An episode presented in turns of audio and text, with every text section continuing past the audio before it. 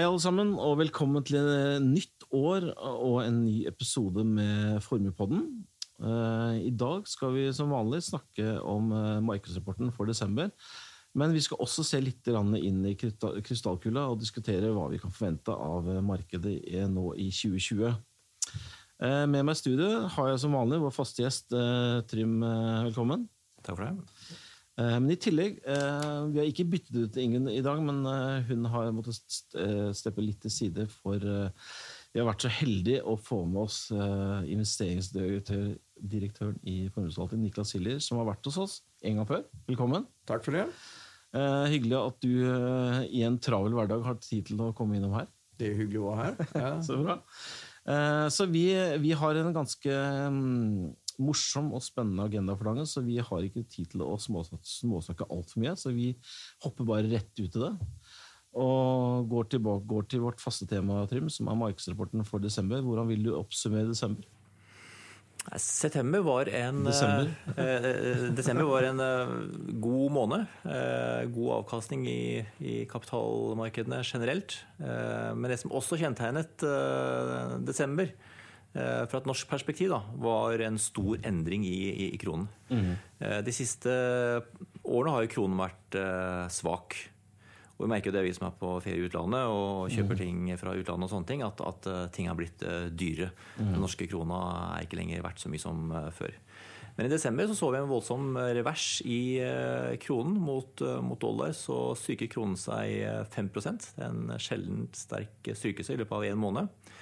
Så når man regner om eh, avkastningen da, i, i, globale aksjer fra et norsk kroneperspektiv, så, så, så falt faktisk verdiene litt i eh, desember.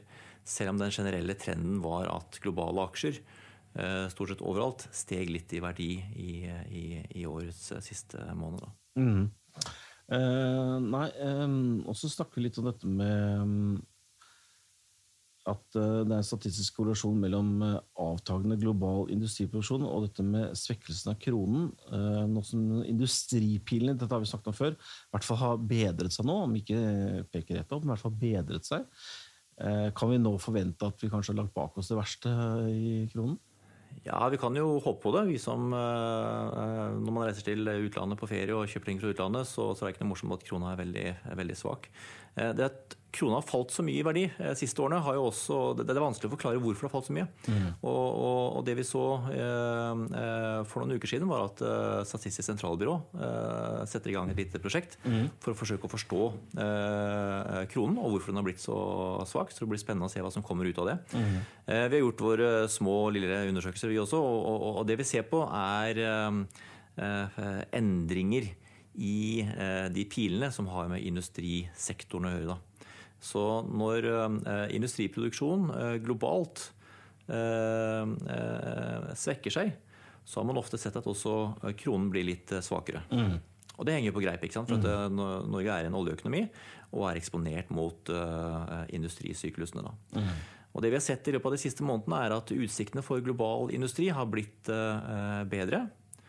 Og sånn sett så kan man jo spekulere i om den reversen som man så i kronen i desember, da, kanskje har litt med utsiktene for global industri å gjøre. At uh, utsiktene for global industri har blitt uh, bedre. Mm.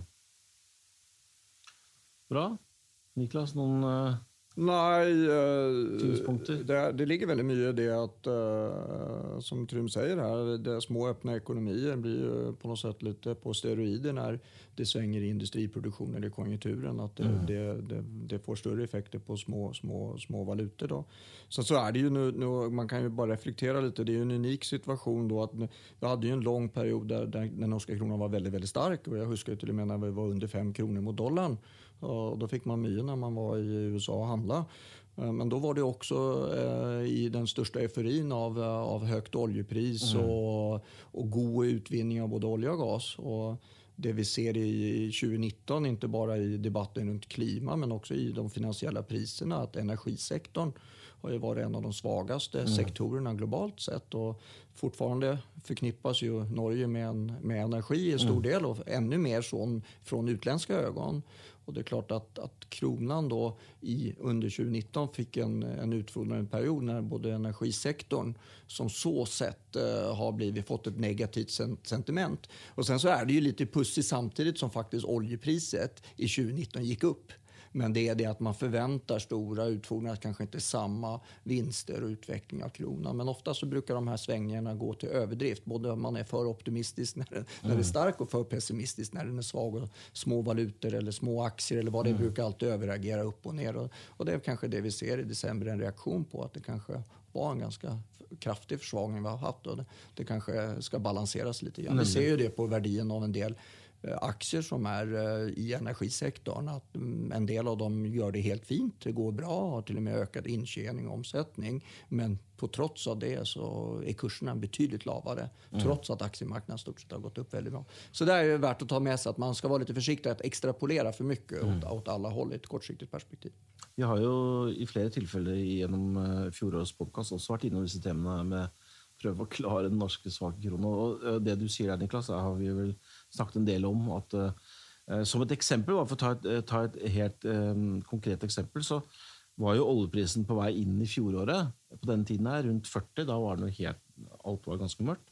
Men Statoil på den siden, da, Equinor, lå i 178 kroner. Stengte året på det i fjor. Og så hvis du justerer for litt utbytte, da, så er du jo da på 168. da. Mm. men Eh, I dag så ligger, Nå er jo Statoil ganske økonomi veldig bra pga. det har vært mye uro, men mm. den ligger rundt 100, stengte rundt, rundt egentlig nesten sånn 170-175 kroner. Mens oljeprisen da har gått fra 40 til 68. Ja. Mm. Så vært, den, har, den, sektoren har jo lagget veldig gjennom hele året. Mm. Eh, så bra. Um, vi skal uh, fordi at, og det, Dette er litt det vi snakket om, at uh, dette med psykologi og ment vi også diskutert i fjoråret, når vi gikk inn i året i fjor, var det jo veldig mye, om ikke frykt, men mye uro med om vi får en resesjon. Børsen hadde lagt bak seg et, et veldig svakt kvartal. Eh, og det var ganske mørke skyer inn i året. Men til tross for alt det, så ble jo 2019 et, en av de bedre årene på mange år. Kan ikke du snakke litt om Du har noen gode statistikker på det? Ja, for å, for å ta det med, med psykologi eh, først, så, så, er det helt riktig det at eh, da vi gikk ut av 2018 og inn i 2019 mm -hmm så var, eh, så var, det nesten bare pessimister eh, i markedet. Hvis du spurte folk hva de trodde om eh, utsiktene på børs, så var de fleste pessimister. Så kom 2019, og det gikk raskt veldig bra. Når vi gjør opp status for hele kalenderåret 2019, så er det jo kanonavkastning, for å bruke det uttrykket. Det kan vi bruke når, når avkastningen er så god som den var i fjor. Og eh, når man ser på statistikken, da, eh, jeg syns det er morsomt å se på historien for å sammenligne et kalenderår eh, fra i fjor med, med, hva man har sett over de siste helt siden 1900, så ser vi at det har bare vært ni kalenderår siden 1900 som har vært sterkere enn 2019. Mm. Så, så, det var et historisk sterkt aksjeår i fjor. Og siden årtusenskiftet så er det bare to kalenderår som har vært sterkere enn 2019. Det var 2003 og 2013. Mm. Så man er liksom inne i et celebert eh, mm. selskap med tanke på eh, børsavkastning. Så, så, dette her ser vi jo i kundenes porteføljer også. Mm. At eh, aksjer har dratt avkastningen eh, godt over det man kunne forvente. Og godt over det som er normalen. Nemlig. Og dette har vi vært innom tidligere, dette med å sitte rolig i båten og ikke la følelsene ta overhånd. Men eh, Niklas, eh, du som leder denne investeringsavdelingen. Hvordan, hvordan, vil du oppsummere jobben de har gjort for 2019 for kundene sine? Nei, det, det, det, har gått uh, overraskende det bra. Uh, vi er jo litt sånn uh, i formuesforvaltning at vi jobber jo med breda portføljer, det har vi pratet om tidligere, og vi jobber med flere aktiva klasser som gjør oftest at vi vi inte får samma utväxling eh, som börsen generellt sett när det går väldigt bra eller vi faller inte heller lika djupt när det, när det går dåligt. Då. Men det visar sig nu, nu håller vi på faktiskt och sammanställer alla de här talen då, mm.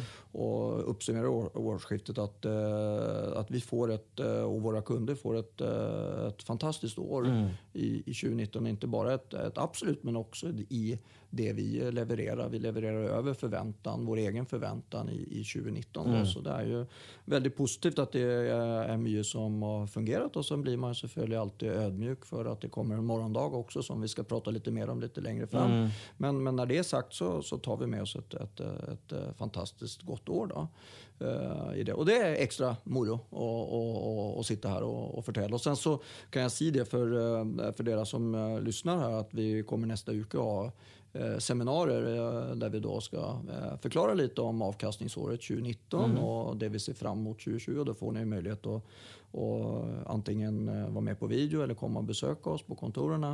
Til å høre höra Trym. jeg kommer være der, Vi kommer ha ledere for aktier. Lars Henrik som ni har truffet og hørt tidligere, og Erik på renter og, og Kian på hedgefond. Så, så kan man få litt mer fordypning og høre mm. liksom, hva var det som egentlig var den største påvirkningen av avkastningen og hvordan ser det da ut framöver bra med litt reklam. også. Alltid, alltid bra å reklamere for det. Nei, men det er viktig, ja, det er viktig. At, vi, det er viktig at vi når ja, ut i alle fall. Det, vi har ikke alltid rett i alt vi gjør og det vi sier, på ingen måte. Men det er viktig at man, man får et innblikk i mm. hur vi tenker og, og hvordan vi ser på saker og ting. Det syns jeg lytterne skal benytte seg og sørge for å komme seg og melde seg på. Da er det vel litt på hjemmesider og sånn? Så. Ja, det ligger ute da, så er det bare å melde seg på eller ta kontakt om man er litt usikker på hvordan man gjør det. Veldig bra. Godt å høre at uh, det har gitt frukter for kundene, uh, jobben dere gjorde i 2019. Det, uh, tiden går jo som vanlig når vi har det gøy, sånn at vi skal naturlig over på neste hovedtema for, for, dagen. Det er hva vi kan vente oss i 2020. og det er jo ikke så lett å spå for mye om det, men du har skrevet en artikkel også i dette markedsrapporten, dette med spådommer og treffsikkerhet.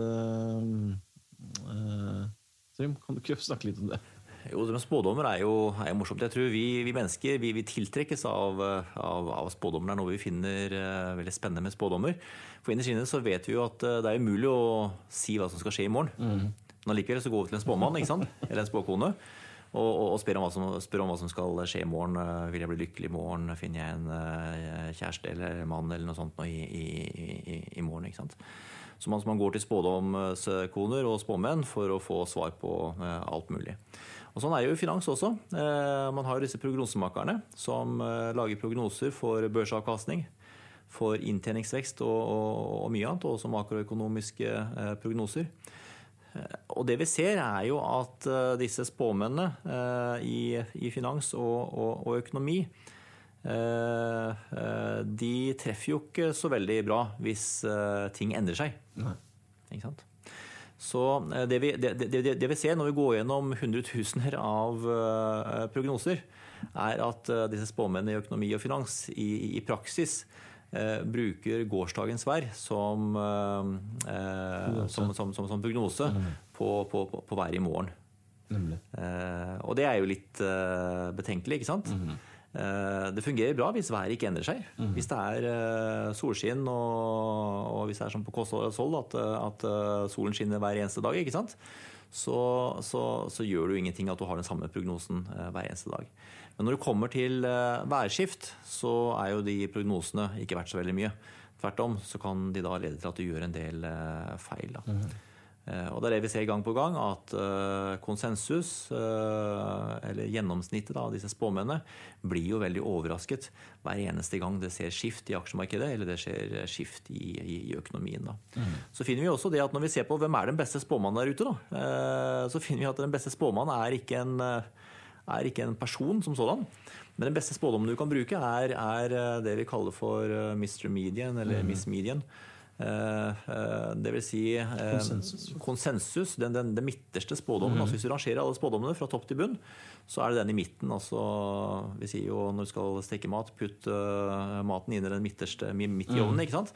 Så den midterste spådommen mm. er, er, den som erfaringsvis fungerer best. Det er den som treffer best. Da. Så I stedet for å høre på alle disse spådommene, så kan man mm. egentlig bare se på den midterste spådommen, så er det en veldig god og, og, bedre prognose enn om du forsøker å velge ut en, en tilfeldig spåmann. Vi får jo håpe at uh, fjoråret blir like bra som i år, da. Eller år blir like bra som fjoråret. ja, men, det, er lov, det er lov å håpe, men det er kanskje ikke det beste estimatet i dag. I alle fall da. Men vi skal ta over til det, dette med psykologi, og det har vi snakket mye om. Uh, at uh, du, du, har noen morsomme tall med Karasjok og Costa Blanca. at liksom, Inngangen til fjoråret var jo om man skal bruke ordet til frysepunktet, som du sa. Mm. inngangen i år er jo kanskje omvendt. Ja, ja. Hva, hva, hva, kan vi se for oss da? Ja, nei, altså, vi, vi, vi, vi, har jo I, i hver eneste markedsrapport så har vi sånn, en, en, en, sentimentmåling. Mm. Det er et tungt ord, eh, vanskelig å forklare. Så vi forsøker å gjøre om det, den sentimentmålingen til et stemningsbarometer og et barometer som går fra eh, 50 eh, minusgrader mm. til 50 eh, plussgrader. Og når vi da gjør om stemningen i markedet til dette eh, barometeret, så, så, så, så, så vi at Eh, på julaften 2018, altså for litt over et år ja. siden, da, så var det som om temperaturen i markedet blant eh, aktørene i markedet eh, var, var, var helt på frysepunktet. Minus 44 grader. Mm. Og det er jo som det kaldeste Karasjokket, ikke sant? hvor du har kulderekorden i Norge. Men når vi da spoler ett år frem, til mm. julaften 2019, så var det som om det var 39 plussgrader. Mm. Og det er da jeg sier at det er som det varmeste Eh, Costa del Sol. Mm. ikke sant?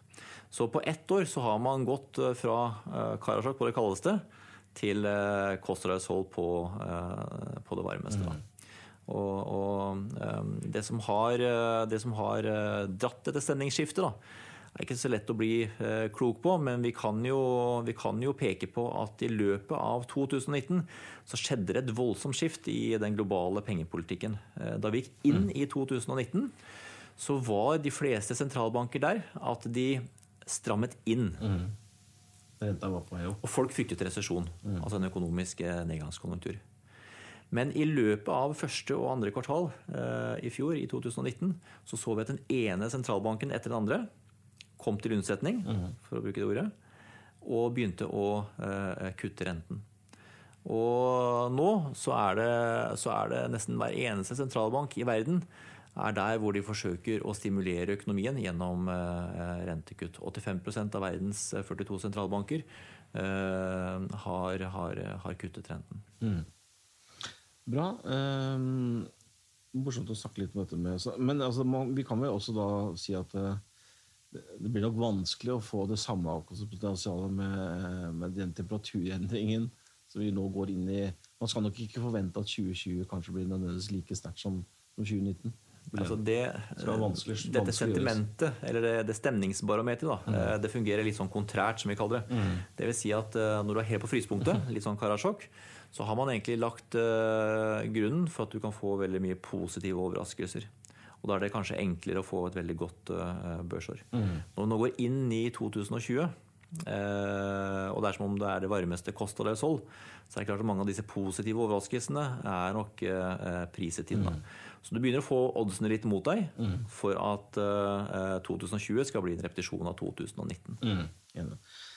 Så um, Vi skal snakke også litt om dette med litt, litt sånn faktating som vi har sagt om. Dette med de ulike barometerne og ting som du bruker. For å gå gjennom de litt kort, på hvordan de ser ut nå inn i, i året. Og Da kan vi begynne med dette med Vi har et par minutter igjen, så vi vil være litt raske. Men dette med Eh, sentiment og konjunktur, som du snakket en del om i markedsrapporten, den er jo fortsatt eh, en negativ markedsdriver som taler for at vi kanskje eh, ikke får et veldig positivt år. Eh, og så har vi dette momentumet som vi snakket om. Det er jo på den andre siden veldig positivt. Som taler for kanskje at man skal ha økt risikotaking. Kursmomentum er veldig veldig sterkt. Nemlig. Eh, og så har vi dette med prising og verdi, som du kanskje kan dele et par ord med. som må ja, altså Prising og verdi, altså Prisingen i aksjemarkedene eh, betyr erfaringsvis ikke så veldig mye for utsiktene i ett kalenderår. Nei. De betyr mye mer for eh, eh avkastningspotensialet på, på, på, veldig lang sikt. Mm. Så når vi ser at spesielt det amerikanske aksjemarkedet, som er omtrent halvparten av hele verdensindeksen, er priset så høyt som det er nå, så er det klart at eh, man må trekke ned avkastningsforventningene på, på veldig lang sikt. Eh, til under normalen pga. Mm. prisingen i USA. Uh, og det er litt som du sier, at det, det er sjelden dyrt. Så taler nok for at potensialet kanskje er noe lavere inn i året. Men også siste poenget som jeg har skrevet her, er dette med pengepolitisk stimuli. Det har, jo, har, vi jo allerede vært litt innom, Niklas. Og, ja. Vi har, vi, vi, har, fått mye hjelp, hjelp av det i år. Kan vi, tror du vi kan forvente at, vi, at det vil fortsette i år? Nei, det, det blir svårare nå. Renten var jo lav även uh, när vi började. Sverige er jo kommet på null. Ja, ja, det er null og negativt og så har man høyt det litt. Nå så jeg at nå forventer man exempel i Danmark at den gjennomsnittlige innskuddsrenten for en vanlig innbyggere skal bippe under nollstrecket. Och det er litt kors i taket for oss alle som er van til i hvert fall at vi får noen rentekroner. så når vi begynner å betale, så, så, så, så, er jo det ganske annerledes. Men jeg, jeg tror pengepolitikken eh, har jo blivit brukt, eh, både den tradisjonelle pengepolitikken og den ikke-tradisjonelle med det man har kalt kvantitativa lettelser og andre ekstraordinære mm. tiltak då, som sentralbankene har gjort verden rundt. Så klart at det er jo litt mindre krut kvar i den tønna. Mm. Eh, og det som Trym sier her, at det, det var ikke det nødvendigvis at aksjer ble så veldig mye dyrere verderingsmessig eller forventninger og riskpremien. Det var framfor alt at det kallade räntan föll, diskonteringsräntan runt det som gjorde at man uppvärderade kassaströmmarna. Intjäningsestimaterna som kom i 2019 var inte noe bättre, var lite svagere faktiskt. Mm. Eh, vinstutvecklingen i sällskapen, men den store effekten får man jo når man sänker diskonteringsräntan. Så man har mindre krut i, i, i tönnan då. Mm. Det er litt som at att man, eh, man diskonterer väl kanske og förväntar då framöver at ting er som det er i dag. Mm.